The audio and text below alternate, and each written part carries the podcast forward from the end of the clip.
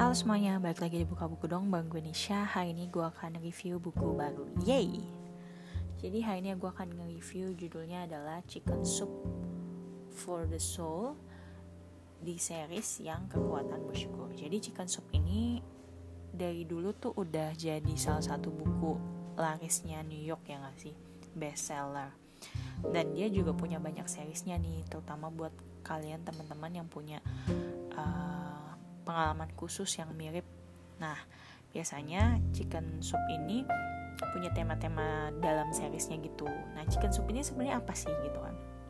Jadi mungkin teman-teman yang udah tahu seberapa terkenalnya chicken soup sudah mengerti ya, tapi mungkin ada teman-teman juga yang belum karena sebenarnya buku ini udah ada dari zaman dulu banget dari gue kecil sampai sekarang gue akhirnya baca salah satu buku dari seriesnya chicken chicken soup ini. Jadi di chicken soup ini lebih banyak kumpulan cerita pendek tapi benar-benar kisah nyata yang ditulis oleh banyak penulis khususnya yang mengalami uh, sesuai tema gitu. Jadi hari ini kan ceritanya yang gue baca adalah kekuatan bersyukur. Jadi temanya adalah uh, cerita-cerita tentang pengalaman orang dalam bersyukur. Entah pengalamannya pahit ataupun menyenangkan, tapi semuanya itu mengajar kita bagaimana setiap lembah, setiap masalah, setiap apa pun yang terjadi itu kita masih bisa bersyukur loh karena mereka yang sudah menulis cerita ini sudah punya pengalaman dulu sudah merasakan duluan gitu bagaimana mereka bisa bersyukur di dalam tekanan yang berat sekalipun dalam lembah yang kelam sekalipun so menurut gue buku ini bagus banget. Gue kasih bintang empat setengah dari 5 karena ini bener-bener ceritanya tentang cerpen cerpen cerpen gitu. Dan ada gue baca yang ini ada sekitar 500 halaman. Jadi kalau kalian beli buku ini worth it banget buat kalian baca. Nggak nggak gampang habis dan kalian pun bisa baca ini berulang-ulang kali. Jadi ada saat di akhir buku ini ada tips and trick yang dikasih oleh dari editor penulis buku ini. Dia bilang gini, uh, dia begitu bahagia, senang bisa apa ya, bisa menjadi bagian dari chicken soup for the soul ini. Kenapa?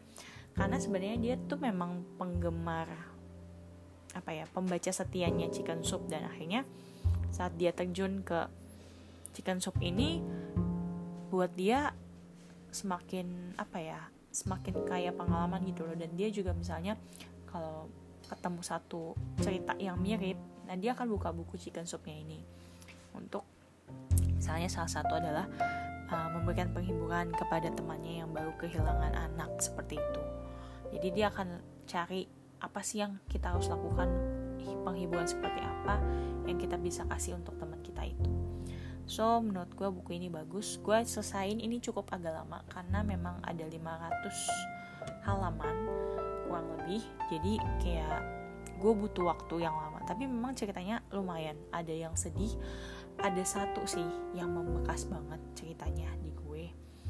Yaitu Ada uh, Satu seorang laki-laki Seorang pria.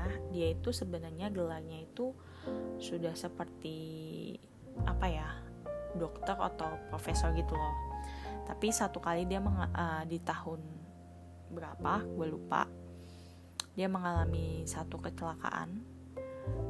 Sebelum kecelakaan itu dia juga ditinggal meninggal oleh istrinya.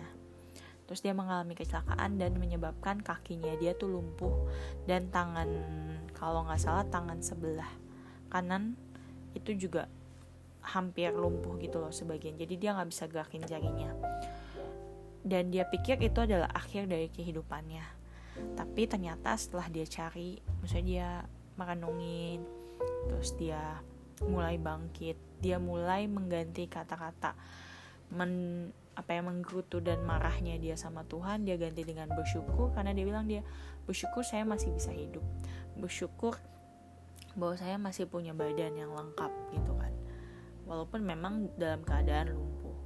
Bersyukur dia masih punya keluarga dan dia masih mengucapkan banyak bersyukur lainnya dan akhirnya dia bangkit dan akhirnya dia bukan jadi orang yang tergeletak lemah sia-sia gitu tapi malah dia bisa menjadi pembicara dan penulis yang membangkitkan banyak motivasi bagi orang lain nah itu sih menurut gue yang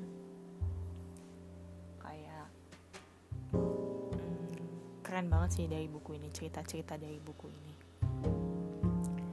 Itu aja yang bisa gue sharingin. Semoga kalau kalian berminat baca buku ini dan kalian mengalaminya sendiri maksudnya mengalami dalam bacanya lebih seru ya kalau baca sendiri dibanding diceritain sama orang. Kalian pasti akan menemukan banyak hal-hal yang baru insight-insight baru dari buku ini. Oke deh next uh, langsung ke segmen quotesnya. See you next time. Bye bye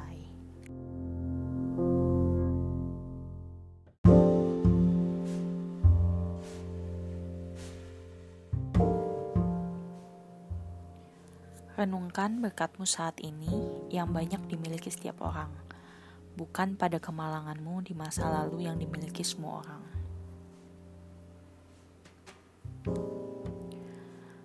Berterima kasih dapat mengubah hidup kita hanya dengan satu cara saja.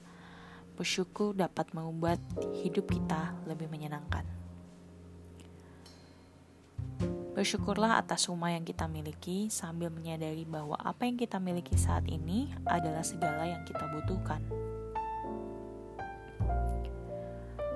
Aku bisa saja menangisi semua yang tidak dapat kulakukan, atau aku bisa saja bersyukur dan meraih, meraih apa yang dapat kulakukan.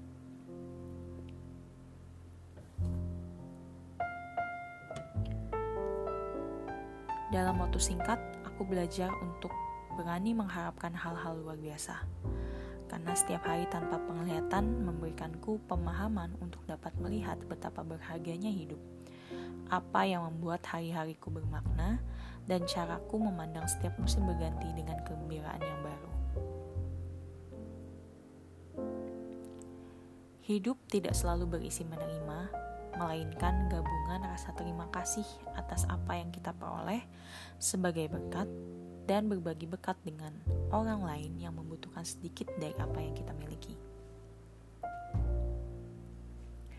Tetapi menunjukkan rasa syukur hanya dengan mengucapkan terima kasih saja tidak cukup. Kita harus berperan aktif dalam hidup kita dan dalam hidup orang lain dengan mengungkapkan rasa syukur melalui tindakan.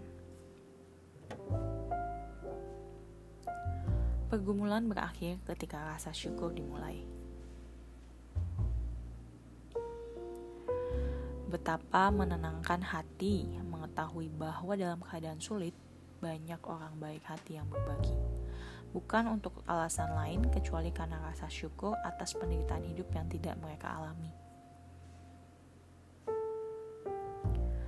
Zig Ziglar, pembicara motivasi yang tersohor, berkata, Rasa syukur adalah perasaan paling sehat pada manusia. Setiap kali terbentuk hambatan, aku mulai lagi dengan daftar rasa syukurku. Daftar ini selalu membantuku untuk bertahan terus. Salah satu perubahan yang berdampak besar dalam hidupku adalah secara sadar menumbuhkan sikap bersyukur. Jika aku merasa diriku terseret kembali menjadi pribadi yang negatif dan suka mengomel, dengan sengaja aku mengalihkan pikiranku ke sikap bersyukur. Jangan nilai tetanggamu sebelum kau mengelilingi dua planet di posisinya. Selalu saja ada sesuatu yang perlu disyukuri apa pun keadaan kita. Kita hanya perlu menemukannya. Tiba-tiba menjadi jelas bagiku betapa ironisnya kesadaranku itu yang terjadi bekas saluran air tersumbat. Anehnya, keadaan itu sejalan dengan hati dan pikiranku yang seolah-olah tersumbat juga dengan segala kotoran dari peristiwa selama tahun yang lalu. Ternyata aku membiarkan pikiran dan perasaan yang sia-sia tertimbun dalam diriku hingga menenggelamkanku.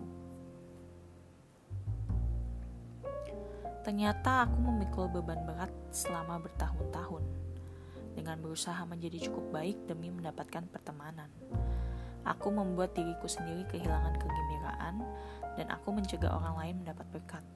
Kadang-kadang hal terbaik yang dapat kita lakukan adalah membiarkan orang lain membantu kita dan mengucapkan terima kasih sudah cukup.